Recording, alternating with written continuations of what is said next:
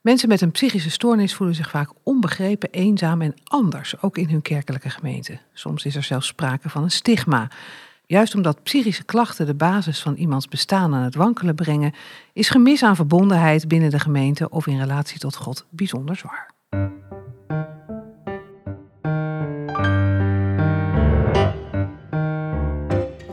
De Theologie-podcast gaat over wat vandaag speelt in kerk en theologie en wil delen, inspireren en verdiepen.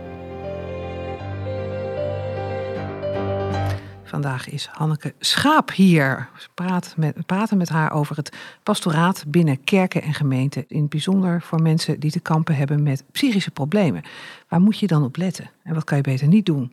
Het valt vaak ook niet mee. Mensen met een psychische stoornis voelen zich onbegrepen, eenzaam en anders, ook in hun kerkelijke gemeente.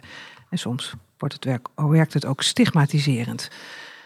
Hoe ga je daar dan mee om als pastoraal medewerker, als predikant of als ambtsdrager? Daarover praat ik met Hanneke Schaap. Zij is eh, rector van het Kennisinstituut Christelijke GGZ en bijzonder hoogleraar klinische godsdienstpsychologie aan de Vrije Universiteit. En ze schreef verschillende boeken, waaronder het handboek Pastoraat bij psychische problemen. Welkom, Hanneke. Dankjewel. Bijzondere combinatie, theoloog en psycholoog. Waarom heb je daarvoor gekozen om dat te combineren? Oeh. Dat is wel een beetje een bijzondere vraag. ja. Theologie is eigenlijk een uit de hand gelopen hobby. Dat is het korte antwoord. Aha, je was eigenlijk psycholoog? Ik begon met psychologie en ik vond het leuk om nog iets te doen. Toen begon ik met theologie, met Hebreeuws en met godsdienstpsychologie. En toen had ik eigenlijk bijna het hele eerste jaar gedaan daarmee. Dat was natuurlijk uh, een vrij grote uh, omvang, dat Hebreeuws in de, in de studie. Ja. En toen dacht ik, nou, maak het eerste jaar maar af. En toen dacht ik, gaat wel lekker zo. Dus uh, het was daar ook erg gezellig. Het volgende dus tweede jaar, het derde Precies. jaar. Precies. En uh, nou ja, uiteindelijk ben ik in de praktische theologie gepromoveerd. En ook later, nog? Ja, en later in de, in de psychologie. In de psychologie, ook ja, ja, precies. Zo, zo kwam het bij elkaar.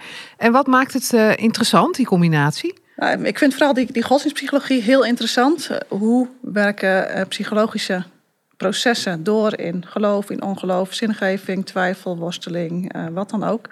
Uh, en andersom, wat doet geloof met mensen, met hun psychische beleving? En ik ben nu echt in de klinische godsdienstpsychologie um, actief. En daarin gaat het om die vragen in de context van mentale gezondheid of psychische, psychopathologie. Dus de psychische stoornissen. Ja.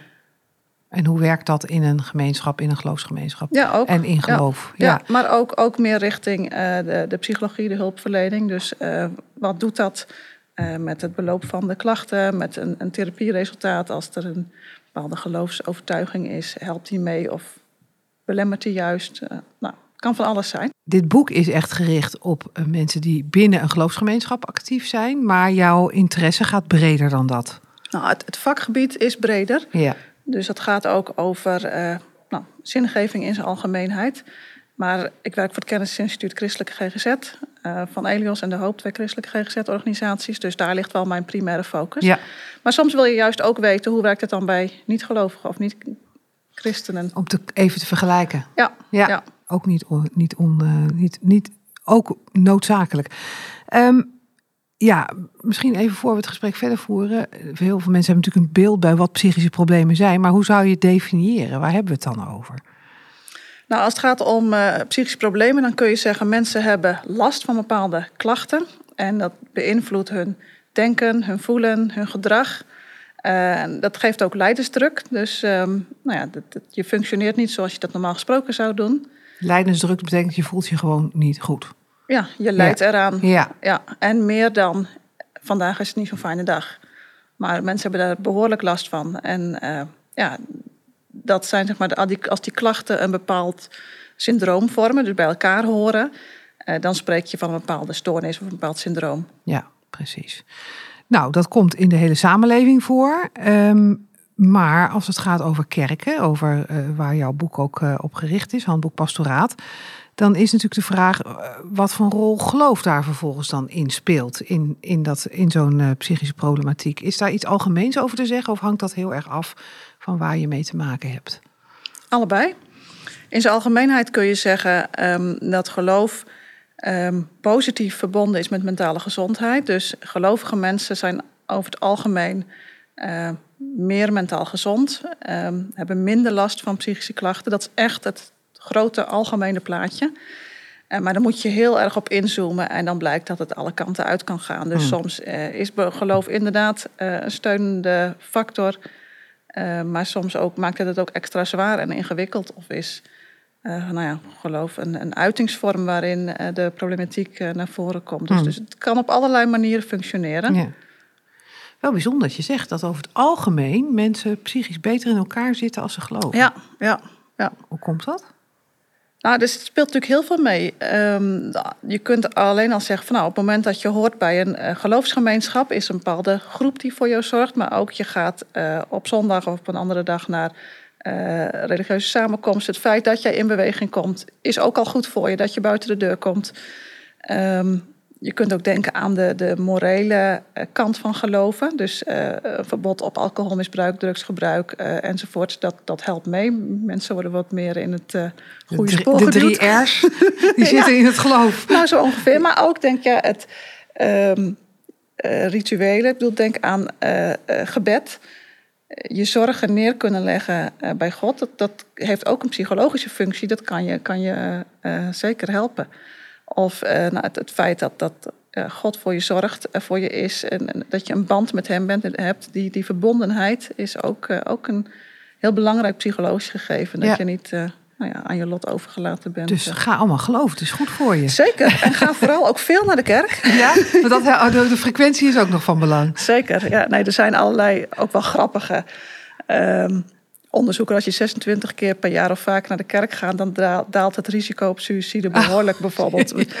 En over het algemeen is kerkgang zeg maar, de beste voorspeller voor mentale gezondheid. Maar dat zit natuurlijk niet alleen in die kerkgang, maar juist ook wat daar allemaal in die kerk Ja. gebeurt en met wie je dat beleeft. En Nou ja, voelt. wat je net, net Ja. ook zei, van die- dat je in beweging komt, dat je met elkaar iets, met een paar rituelen, ja, precies. Nou, bijzonder. En, en, en noem eens een, een, een, een, een psychisch ziek- ziektebeeld waarin geloof ook, ook eh, verzwarend kan werken, waarin, waarin, het, waarin het je dus, nou ja, verder de putting kan helpen. Of, of Nou, wat je vaak hoort bij mensen die eh kampen met een depressie, is dat zij zich ook door God verlaten voelen. En ehm, nou, dan is het gevoel van het is nu niks, het is nooit wat geweest en het zal ook nooit meer wat Nee, worden. komt nooit meer goed. Nee, nee, en dat is een heel consequent en gevol, be- gevonden eh, verschijnsel. Ik zou bijna kunnen zeggen van nou, die verlatenheid is een soort existentieel eh, symptoom van depressie. Nou, dat maakt het vaak wel zwaarder. Ehm, Ja, dat want dat je- is een voorbeeld. Ja, want je voelt, je, je voelt je al door alles en iedereen verlaten. En dan moet je God daar ook nog bij scharen. ja, ja, en vanwege die zwarte bril die bij depressie hoort, ja, dan wordt het ook niks meer. En... Nee. Maar goed, het kan ook bijvoorbeeld bij eh, angst eh, zo zijn. Mensen met een angststoornis, 10% van de Nederlandse bevolking, dus komt ook, eh, ook veel voor. Nou, als je dan in de Bijbel leest, wees niet bang, wees niet bang, wees niet bang. Dat Er staat er heel vaak, hè? Ja. Dan kan ook heel snel het gevoel zijn van, nou, ik ben geen goede gelovige. Want als ik maar echt op God vertrouwde, dan zou ik niet bang zijn. Terwijl, denk jij, dat is veel te simpel. Dat, Ja, het staat er ook namelijk niet voor niks zo vaak. Dus blijkbaar zijn we het vaak. Blijkbaar hebben we het Ja. nodig, ja. Zo kun je het ook zien, ja. Heb je wat cijfers van, eh, niet zozeer dat we ze nou precies moeten weten, maar wel van dat we een beetje beeld hebben van hoeveel mensen te maken hebben in Nederland eh, met psychische problemen? Eh, het algemene cijfer is 1 op de 5. Dus 1 op de 5 volwassen Nederlanders heeft ooit in zijn leven een psychische stoornis. Zo, wat Een psychische aandoening. Ja. Ja. ja. Dus reken maar uit. eh, als, als je rondkijkt in je kerk of in je gemeente, hoeveel dat er zijn. En daar zit nog weer differentiatie in. En, in welke aandoeningen het eh, dan zijn. Bijvoorbeeld angststoornis is eentje die heel veel voorkomt. eh 10% van de bevolking. Verslaving 14%. 14 procent? 14%. Ja. ja. En dat zie je natuurlijk ook heel vaak niet. Hè? Dat geldt Nee. trouwens voor alle, alle problematieken, dat je het heel vaak niet ziet. Nee. En depressie, 5%, dwang, 2,5%. Nou ja, ik Zo. heb de neiging gehad om in het boek een soort plattegrond van een kerk op te nemen en dan allemaal kleurtjes in te doen. waarom Maar heb je dat niet gedaan? Nou, omdat ik denk dat dat, dat is ingewikkeld omdat je vaak ook dubbeldiagnoses hebt. Dus mensen die angstig zijn, kunnen bijvoorbeeld ook depressieklachten Ah, hebben. En dan vertekent het beeld wel Ja. eh, behoorlijk. Of mensen bijvoorbeeld met een eh, posttraumatische stressstoornis kunnen ook eh, angstklachten daarbij Mm. hebben. Of nou, wat dan ook. Het zou, wel, het, het, het, zou het wel inzichtelijk maken dat je inderdaad op zo'n plattegrond ziet van hé, hey, dat, dat betekent dus als ik die kerk inkijk, dat dat, dat, ja, dat, dat gedeelte.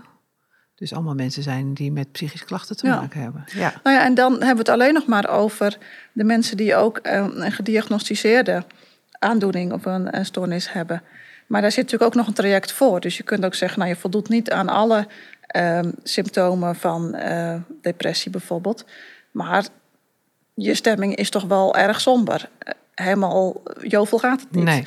En dat geldt voor meer. Denk ik bedoel, een hechtingstoornis is een vrij, of een persoonlijkheidsstoornis is een vrij stevige problematiek. Maar denk je, in dat, dat subklinische niveau, uh, daar kunnen mensen ook ja. lijden en worstelen met dezelfde thema's. Alleen misschien nou ja, net iets mindere mate. Of ze hebben meer uh, steun waardoor ze uh, overeind blijven ja. en niet in de hulpverlening terechtkomen. Dus eigenlijk zou je er nog meer van die stoeltjes in moeten kleuren dan? Nou, misschien moet je gewoon eigenlijk op al, al die stoeltjes wel ergens een, uh, een kringeltje zetten. En denk dat, dat ik zeg ook altijd van ja, niemand is normaal. Wij hebben allemaal onze breuken en deuken en barsten die we meedragen in ons leven. Iedereen uh, ja, heeft thema's waarmee die worstelt, uh, heeft dagen waarop het gewoon allemaal niet zo zonnig eruit ziet.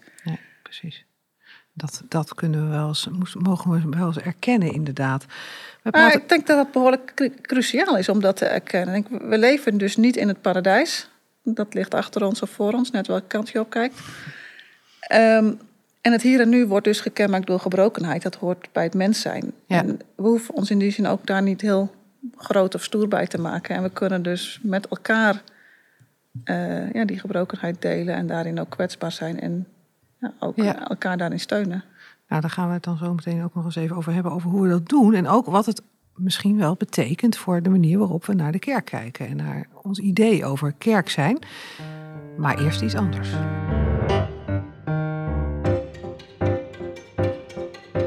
De boekrubriek, deze keer met Andries Knevel. En die heeft uh, een boek gekozen, uh, Andries, Tegendraads gereformeerd, wat jou nauw aan het hart ligt.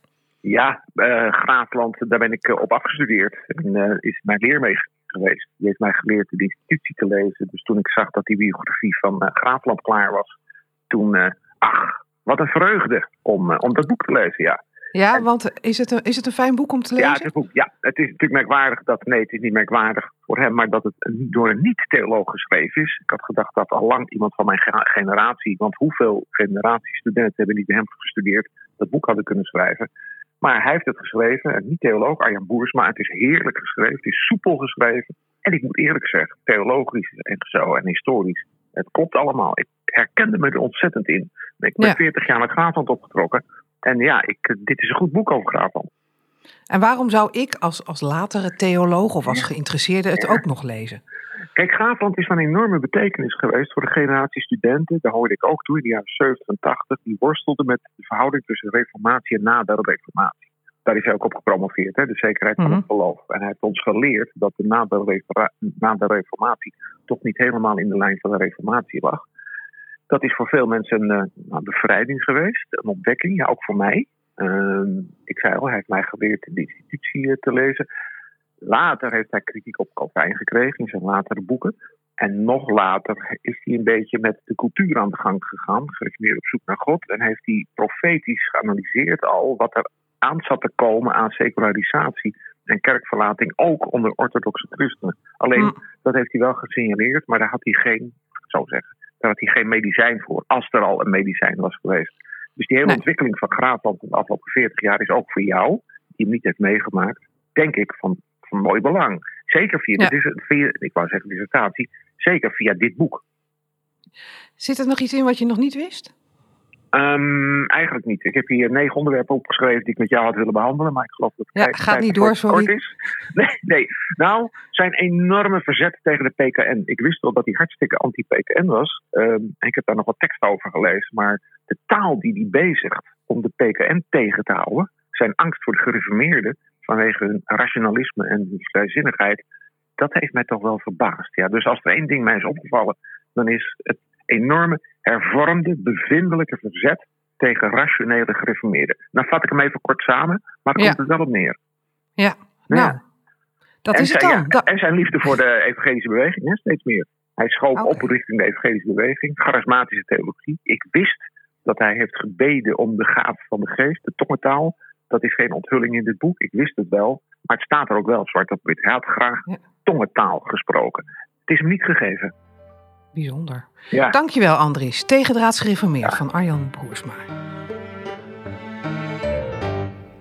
Ja, en uh, mocht u dat boek willen aanschaffen, van harte aanbevolen. Doe dat dan vooral bij uw uh, lokale boekhandel. Of via de website van uh, Gertjan van Rietschoten, boekhandelaar in Rotterdam, van rietschoten.nl. En in de volgende aflevering, de volgende podcast, zal hij weer langskomen met een boekaanbeveling. Ik praat verder met Hanneke Schaap, auteur of redacteur, nou ja, auteur en redacteur van het handboek Pastoraat bij psychische problemen. Hanneke, we hadden het net over het feit dat toch echt, nou misschien wel bijna elk kerkenlid op de een of andere manier wel met psychische problematiek te maken heeft. En uh, dat roept natuurlijk ook de vraag op, um, hoe kijken wij nou als kerk daartegen aan? En, en uh, zijn wij inclusieve kerk? Of vinden wij mensen met psychische problematiek wel heel ingewikkeld ook in de kerk? Wat, wat, wat, wat kan je daarover zeggen? Ja, mooi dat je dat zo zegt, dat elk kerkelijk daar wel op de een of andere manier mee te maken heeft. Want ook als je zelf uh, geen diagnose hebt, om het zo te zeggen, kan het natuurlijk heel goed zijn dat je er wel mee te maken hebt in je omgeving. Dus dat het om uh, een partner of een kind of een vriend of uh, wie dan ook gaat. Um, en dat doet iets met hoe je in het leven staat. Dat doet ook iets met hoe je in de kerk komt. Dat doet iets met welke vragen heb je um, richting God, richting de Bijbel. Hmm. Uh, dus dat is één ding. Uh, de vraag is natuurlijk van, en hoe um, is die kerk er dan? Of hoe vormen wij samen die kerk? Uh, met al die verschillende mensen, met al die verschillende ervaringen um, die je meedraagt. Wat mij is opgevallen bij het lezen van 1 Korinthe 12 over het lichaam van Christus, is dat Paulus daar zegt van juist de leden van het lichaam die het meest zwak zijn, die zijn het meest nodig. Hmm. En ik vond dat een heel verrassend uh, iets. Dat had ik natuurlijk al vaker gelezen, maar, denk, maar uh, nooit dat zo viel mij nu op. Ja, en denk, ja, precies. als je dus. En ik weet niet of ik dan mensen helemaal recht doe, maar stel dat we het voor nu even zo Mhm. uh, aan elkaar gelijk zetten. Dat je zegt van nou, mensen met een uh, psychische stoornis, psychische aandoening, ja, dat zijn toch de, de wat zwakkere um, leden van het lichaam. Die hebben wij dus het hardste nodig. En misschien zijn die dus eigenlijk wel krachtiger dan de mensen die het voor het oog behoorlijk goed voor elkaar hebben. Um, en dat, dat, als je daar een poosje over nadenkt, is dat best wel interessant. Ja. Dus, dus een mevrouw met borderline die gedrag vertoont wat toch meestal als iets minder prettig wordt ervaren. Mhm. Dat is dus nodig. Dat heb ik dus nodig als ik die mevrouw ken en, en tegenkom. Uh, en zo kun je allerlei uh, mensen en, en problematieken voor je geest halen. Ik heb ook meteen allemaal beelden nu voor me Ja, van ja, mensen ja. uit mijn eigen gemeente. Ja, die ik niet zal noemen, maar waarvan ik inderdaad dan denk, als jij dit zo zegt. Nou, ik moet daar nog wel eens even goed over nadenken over waar ik die dan voor nodig heb. Want ik heb ook de neiging, en ik denk dat ik daarin zeker niet alleen sta, om dat ook wel ingewikkeld te vinden. Ja, ja, maar het heeft ook, dat, dat is zeker waar hoor. Um, en dat ingewikkelde, dat is denk ik ook um, nou, onder andere verbonden met het kritische van het evangelie. Denk, in onze samenleving zijn wij natuurlijk heel erg gericht op uh, snel, jong, flitsend, geslaagd, succesvol. Ben je ook allemaal zelf verantwoordelijk voor. Um, en ik, het evangelie zegt iets heel anders. Uh, juist wat uh, dwaas is in de ogen van mensen, is wijs bij God en andersom. Um, nou ja, denk ook aan bijvoorbeeld de lofzang van Maria. Uh, de rijken worden weggestuurd, de armen die krijgen juist uh, vervulling van wat ze nodig hebben. En zo kun je natuurlijk veel meer noemen. Het kruis zelf is daar al het voorbeeld van. Ja.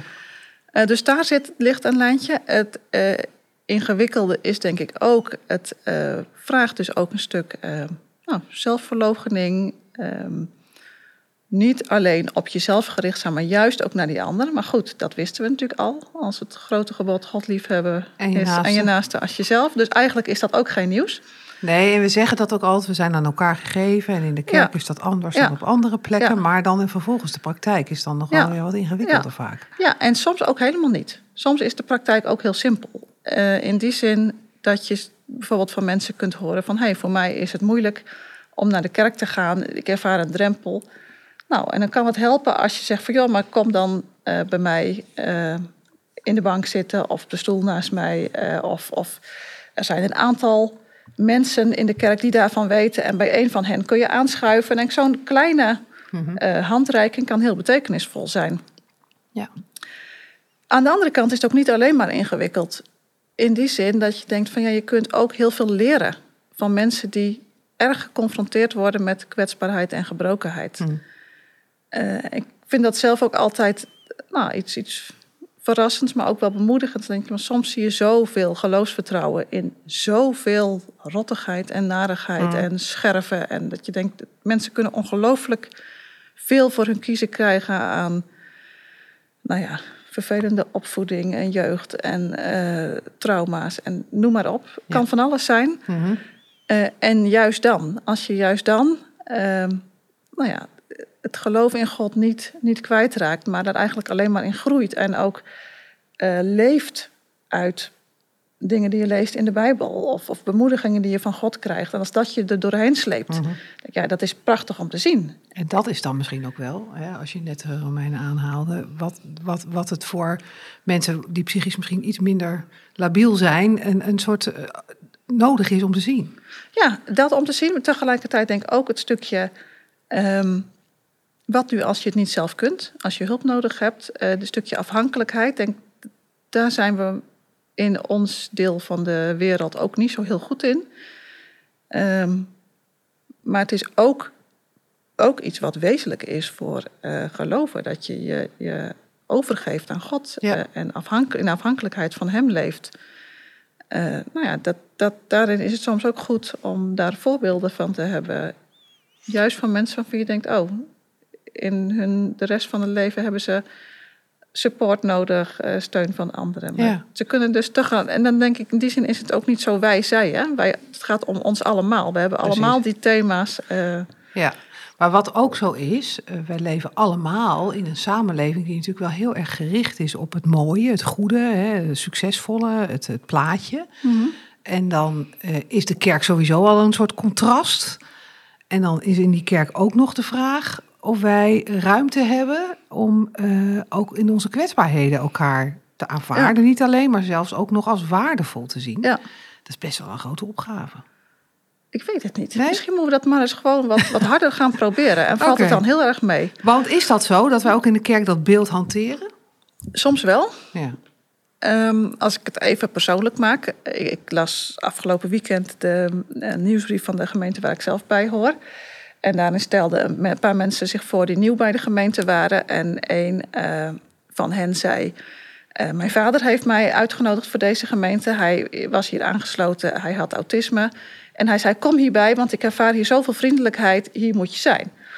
En ik denk, nou, dat is dus... En ik kende deze hele meneer niet hoor. Dus Nee, eh, maar dat komt was- niet door mij. Toen dacht ik, kijk, hier gaat het goed. Toen dacht ik, kijk, dit, en, en ik had het daar thuis even over. En, en mijn man zei, ja, maar weet je, het past ook wel bij onze gemeente. Wij zijn niet van die hele flitsende, geslaagde mensen in het pak of zo. Nee. Eh, een hele hoop grijze hoofden en eh, ook een hoop sores in de kerk.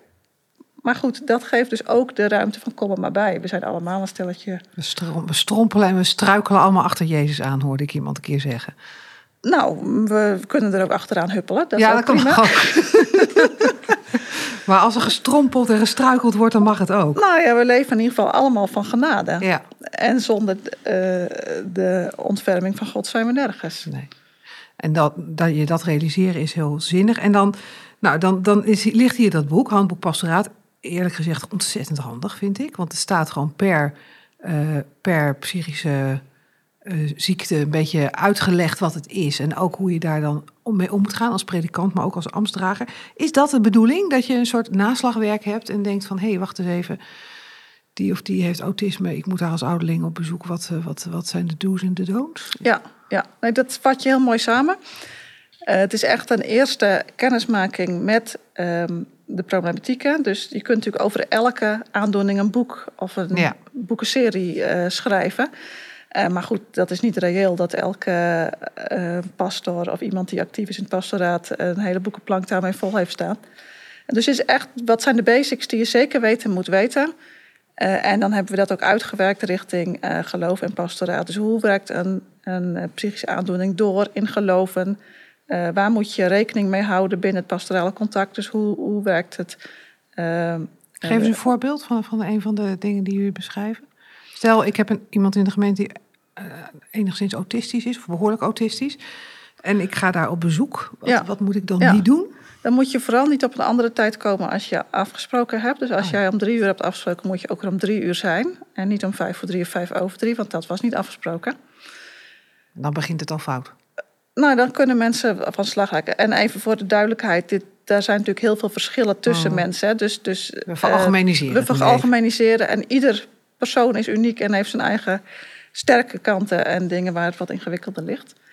Maar ik stel, ik ga dan in gesprek. Ja, Wat, nou, wat, we- we bijvoorbeeld bij autisme ehm, zien, is dat eh, metaforisch taalgebruik eh, ingewikkeld is. Eh, dus taal wordt vaak letterlijk genomen. Ja. Nou, in de kerk gebruiken we natuurlijk heel veel metaforen en abstracte begrippen. Lastig. Dat is lastig. Dus dan is de uitdaging van hoe kun je die ook eh, omschrijven? Of hoe kun je die dichtbij brengen? Of hoe kun je die ehm, door middel van een verhaal eh, concreet maken? Ehm, of hoe kun je ehm, ook checken van, van hoe, hoe hoor jij dat? En, en mensen op die manier verder helpen in het, in het verstaan daarvan. Ja. ja, dus je moet je heel goed realiseren met wie je in gesprek bent en wat daarbij komt kijken.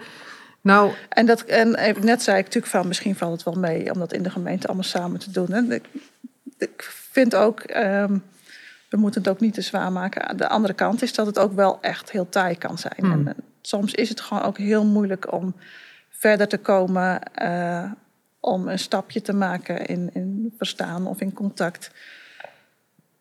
Nou, maar zelfs, zelfs dan is denk ik nog steeds de, de opgave of, of nou, waar je voor staat om het ook samen uit te houden. Om Mhm. samen die gebrokenheid vol te houden. En ja, misschien ook eh, aan de voet van het kruis te wachten tot het beter wordt. Want Ja, soms want- is het echt. Taai. Voelt het als ja, taai, het voelt als uitzichtsloos. En dat, ja, dat kan ook echt wel eh, een poosje duren. ja. Maar dan is het ook weer een kracht van een, een gemeente waarin je ja, niet even langs zij komt, eh, maar het leven deelt eh, voor een langere periode. Dus niet na een half jaar sluit je het traject bij de hulpverlener Nee. of bij de pastor af, maar je blijft samen eh, leden van dat ene lichaam en gaat daar in je weg. En, en ehm, dat is natuurlijk ook een vraag die dan vaak speelt. Hè? We, eh, zeker in de kerk willen we natuurlijk graag mensen helpen.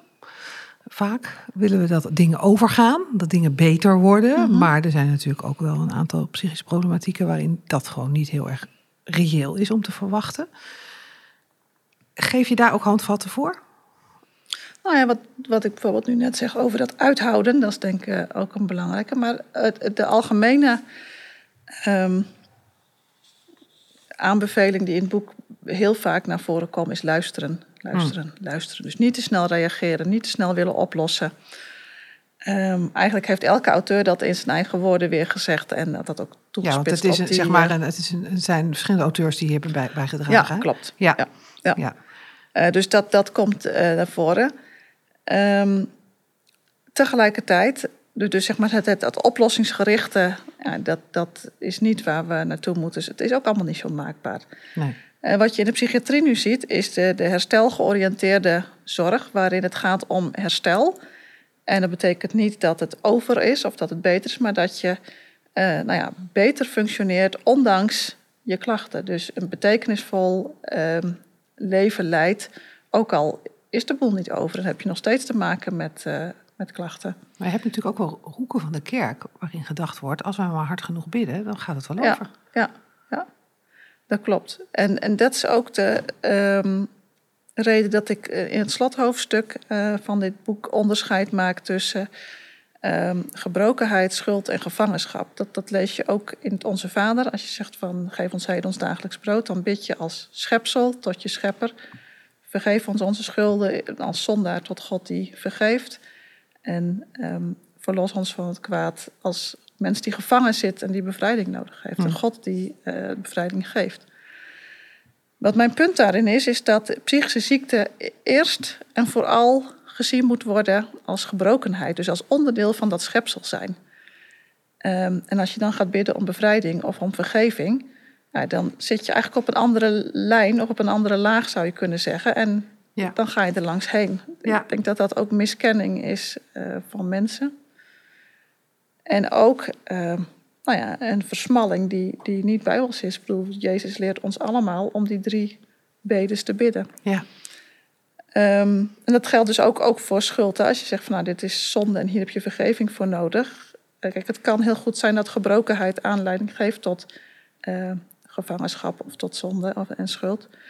Uh, maar dat staat niet op zichzelf. En het, het um, heeft een context. En die, die gebrokenheid en die psychische ziekte doet daarin mee. En, en betekent soms ook dat je niet anders kunt. Um, ja, misschien dat je daar achteraf naar, naar kijkt, maar als je in die situatie zit, um, nou, waarbij je door de bodem zakt, dan, dan gebeuren dingen. Ja, dan, dan, het is dus een stuk minder zwart-wit dan misschien soms wordt gezegd, zou je het kunnen zeggen. Ja, ja. ja, ja. Wij gaan uh, naar onze columnist van deze aflevering en dat is Tom Bikkers. Vorig jaar won een Nederlands boek voor de allereerste keer de Boekenprijs. De avond is ongemak van Marieke Lucas Rijneveld. Het boek gaat over het tienjarige meisje Jas dat kampt met schuldgevoelens omdat haar broer is overleden tijdens het schaatsen. Hij was in een wak gevallen en verdronken. Jas had voor kerst gebeden tot God of God haar konijn wilde sparen. En in plaats daarvan, bad ze, mocht God haar broertje wel hebben. En toen gebeurde dat ongeluk met haar broer. Het gezin, op een verstikkende manier gelovig en naar binnen gericht, keert zich nog meer naar binnen. En Jas probeert zich staande te houden tussen de volwassenen die langzaamaan verteerd worden door hun verdriet. Legt Marieke Lucas Rijneveld gevoelens onder de microscoop? De beoordeling van het leed in onze maatschappelijke werkelijkheid gaat meestal met een verrekijker. Vanuit de verte zien we het ongeluk, en we toetsen het aan regels en onze politieke voorkeur of persoonlijke sympathie of antipathie en dan vinden we er wat van. De dieptepijlen van vergeving lukt misschien wel beter bij een boerderij waar net een storm voorbij is geraast en men toch verder moet, dan in een Tweede Kamer waar onze minister-president probeert zijn record als langzittende premier te halen. Hoe te vergeven? In het groot of in het klein? Als je, net als de hoofdpersoon in het boek van Marieke Lucas Rijneveld, in het ongeluk woont, dan ontdek je dat moraal als een, als een geheel van regels en wetten, hoe dingen behoren te gaan en wat je wel en niet hoort te doen, verband houdt met een geestelijke werkelijkheid die niet altijd consistent, coherent of eenvoudig is. En dan is vergeving geen losstaand helder thema met een duidelijk voor of tegen, maar verweven met mensen die je meer of minder nabij zijn. En zijn gevoelens van schuld en spijt altijd gasten die mee naar binnen wandelen wanneer het leven anders loopt. Anders gezegd, dan kom je misschien ook wel op het spoor waarom het commando vergeef niet werkt. Het leven is te complex. En het is misschien dan ook wel niet voor niets dat in de Bijbel uitgerekend de onhandige Petrus bij Jezus komt met die vraag: Hoe vaak moeten we onze broeder vergeven? Petrus oppert zelf alvast zeven keer, omdat hij weet dat de rabbijnen drie of vier keer vergeving voldoende vinden. Maar Jezus gaat verder. Zeventig maal zeven, antwoordt hij. En met dat antwoord zegt Jezus op een slimme manier dat de officiële rabbijnen er helemaal naast zitten. Want 70 maal 7 is een getallencombinatie uit het Oude Testament. Hier zit een verwijzing in naar het Oude Testament als Lamech het over wraak heeft. Ik citeer: Kain wordt zevenmaal gewroken, maar Lamech 77 maal. Jezus maakt dus van wraak vergeving en hij laat zien hoe radicaal die vergeving is. En wat wil Jezus daarmee dan zeggen? Jezus zegt niet: Gij moet vergeven, Jezus zegt: vergeving is een beweging waarin we ons moeten voegen. Je ego loslaten, zouden we nu zeggen. Dat is niet eenvoudig, want het gaat in tegen onze neiging om controle te houden en het leven als een project te zien dat je opbouwt. En soms gaat het ook wel in tegen ons rechtvaardigheidsgevoel. Gij zult vergeven. Het is een weg die we een leven lang bewandelen. Laat je dus niet misleiden door zoete zelf ingenomen moralistische bedweterigheid. Verdwaal niet in het doolhof van al te gemakkelijke excuses. En laat schuldgevoel je niet gevangen zetten. Doe jezelf geen geweld aan. Laat de hoop pas varen als je er klaar voor bent. Maak van de avond, geen ongemak. Ja, Tom Mikkers. En Hanneke, jij zei al, mag ik daar wat over zeggen? Ja, dat mag. Nou, het is een prachtig thema natuurlijk, of een prachtige column. En met ook een verdrietig thema. Maar het illustreert wel heel mooi waar we het net ook over hadden. Van je kunt in een situatie verzeild raken. Denk aan zo'n kind over een konijn en een broertje. En dan sterft dat Ja. broertje. Denk, dat is dramatisch. Ja, En dan is het ongelooflijk belangrijk van hoe zit dat gezin in elkaar? Eh, hoe is er oog voor het kind, voor de worsteling van het kind? Of gaat ehm, dat schuldgevoel een eigen leven leiden? En eh, dan, dan kan dat zomaar eh, op latere leeftijd tot problemen leiden. ja. Dus, dus dat, daar zit natuurlijk al een, een link naar de thema's waar wij het over hebben. ja. Waar ik ook even op aansloeg was op het thema vergeving. Jij vroeg net van eh, als ik op bezoek kom bij iemand, Hmm. eh, wat dan wel, wat dan niet, welke handreikingen zijn er. Ehm, in het hoofdstuk over eh, trauma heb ik ook geschreven over ehm, vergeving, omdat natuurlijk heel vaak sprake is van een dader en een slachtoffer. Niet altijd. Ik bedoel, je kunt ook iemand verliezen door een, een ongeluk of wat dan ook, wat traumatisch is. Mhm. Ehm, wat dan belangrijk is bij vergeving, dat, dat vergeving pas kan als de schuld ligt op de plek waar die hoort. Dus zolang iemand zichzelf eh, de schuld geeft, en het kwam door mij, ik had daar niet moeten lopen of iets, eh, of ik had dit niet moeten doen, eh, dan valt er niks te vergeven. Je kunt pas vergeven als eh, de dader ook echt degene is die fout is geweest. En als je dat voor jezelf kunt erkennen. En om zover te komen, dat kan een ongelooflijk ingewikkelde weg zijn voor iemand. Dat, Mm. Zeker als, als die dader ook iemand is die heel dichtbij staat. Ehm, dus begin dan als pastor nooit te vroeg over vergeving te praten. Eh, dat, vergeving is heel heilzaam. En ehm, dat 70 maal 7 is natuurlijk ook ergens iets prachtigs. En, en ook wezenlijk voor het christelijk geloof dat er altijd een nieuw begin mogelijk is. Maar soms is er ook wel heel veel kapot. ja. En, En eh, de juiste tijd. Nou, absoluut. Precies. Ja, en, en het, in die zin is vergeving ook niet iets wat afgedwongen kan worden of wat een soort middel is om het binnen die kerkelijke gemeente weer eh, nou, geregeld te hebben. Recht te breien. Ja, Ja, dat willen we ook gaat graag. ook, eh, vergeving heeft ook te maken met recht en gerechtigheid. eh. Dankjewel, Hanneke. En van harte aanbevolen jouw boek, of jullie boek, Handboek Pastoraat bij Psychische Problemen. Voor iedereen die zich in de kerk bezighoudt met pastoraat. Of eh, ja, gewoon eigenlijk ook al met elkaar. Dus voor gemeenteleden zou het ook een, eh, Ja, een goed boek Ja. kunnen zijn. Dankjewel voor, eh, voor dit gesprek. En als u meer wilt weten van theologie, ga dan naar theologie.nl. Daar hoort deze podcast ook bij. Allemaal actuele artikelen te vinden, boekbesprekingen en blogs. En eh, over een aantal weken is er weer een vaste aflevering van deze podcast. En u kunt zich daar ook op abonneren. Ga dan even naar uw favoriete podcast-app en abonneer u op de Theologie Podcast. Tot de volgende keer.